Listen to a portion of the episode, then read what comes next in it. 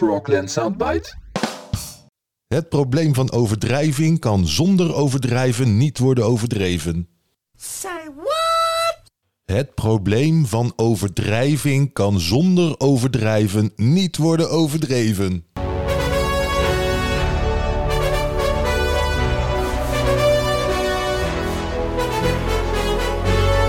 Overdrijving, dat is eh, strikt genomen een eh, retorische stijlfiguur. En eh, retorica die worden gebruikt om overtuigend te spreken en schrijven. Daar is natuurlijk niks mis mee, maar je moet het niet gaan overdrijven.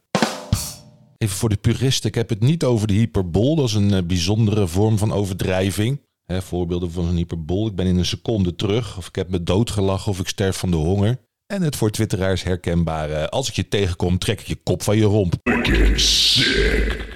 Nee, ik heb het echt over die overdrijvingen om je eigen mening eh, kracht bij te zetten. Eh, en om andermans mening met niet al te veel moeite en nieuwsgierigheid eh, met de grond gelijk te maken. Hè? Hyperbolisch gesproken dan, hè?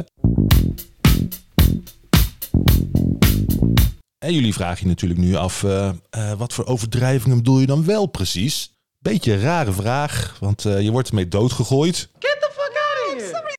Nou, eh, om te beginnen, een heel duidelijk voorbeeld. Een, eh, de Godwin, als jullie dat wat zegt. Ja, een Mike Godwin heeft in 1990 de wet van Godwin bedacht. En die luidt, eh, naarmate online discussies langer worden, nadert de waarschijnlijkheid van een vergelijking met de nazi's of Hitler.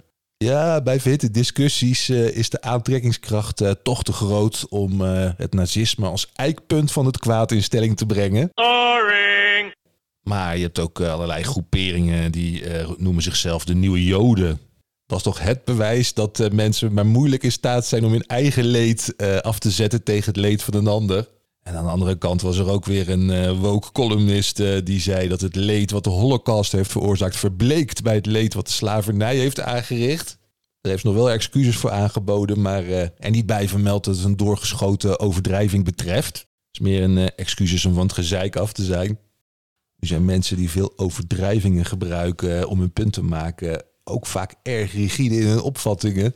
En als je overdrijvingen die je aan het begin alleen maar gebruikt om een discussie te winnen, eh, maar vaak genoeg gebruikt, ga je er ook in geloven. Dus voor jou geen overdrijving meer.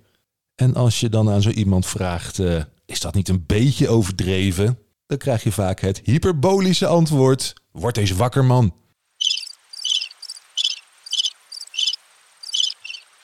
Ja, slapen doen we s'nachts. Maar eh, naast alle oorlogsvergelijkingen heb je ook nog de huis, tuin en keukenoverdrijvingen. Zo zag ik gisteren op Twitter iemand eh, die de boeren eh, terroristen noemde. Ja, ik vrees toch dat eh, Al-Qaeda een klacht gaat indienen. Hè, terrorist is een beschermd beroep, kan niet zomaar hier op iedereen plakken. Zo, eens kijken, wat hebben we hier nog meer? Oh, dat is een mooie. Vrouwenhaat.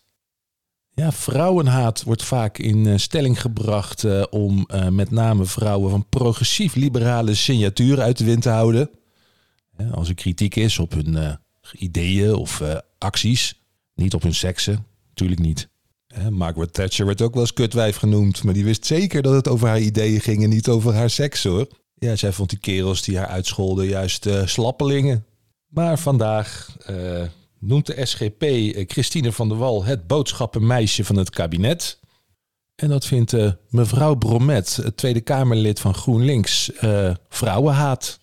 I beg your pardon? Ja, als het Chris van der Wal was geweest in plaats van Christine van der Wal, dan had de SGP gezegd dat Chris de boodschappenjongen van het kabinet was geweest. Echt, laat me toch je verleiden om in te gaan op die overdrijving. Zo moeilijk is het dus om te laten liggen. Terwijl het veel interessanter is om eh, discussie aan te gaan of eh, Christine van der Wal in haar functie van minister wel voldoende autonoom handelt. Maar ja, eh, boodschappenmeisje is natuurlijk ook weer een overdrijving, dus ja, dan vraag je er ook om. Maar goed, ik heb er genoeg van en ik zie nog één uitweg, een protestsong.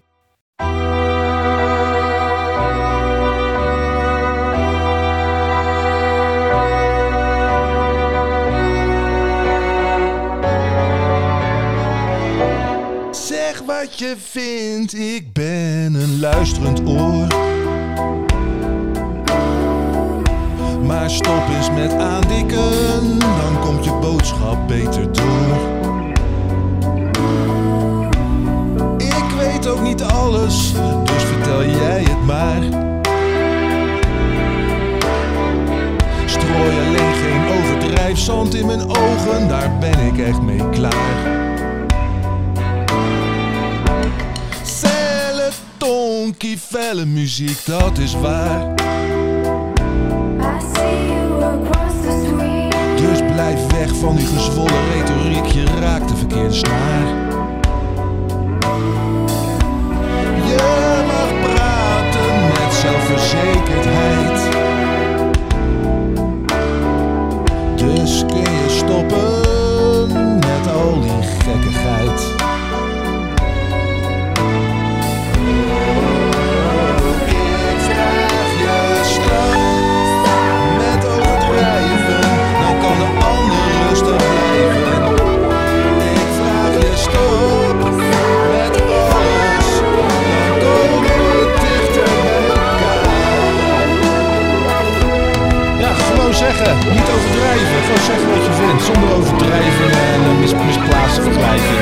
Zo moeilijk is het niet.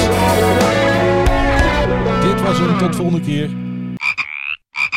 Frogland Soundbite?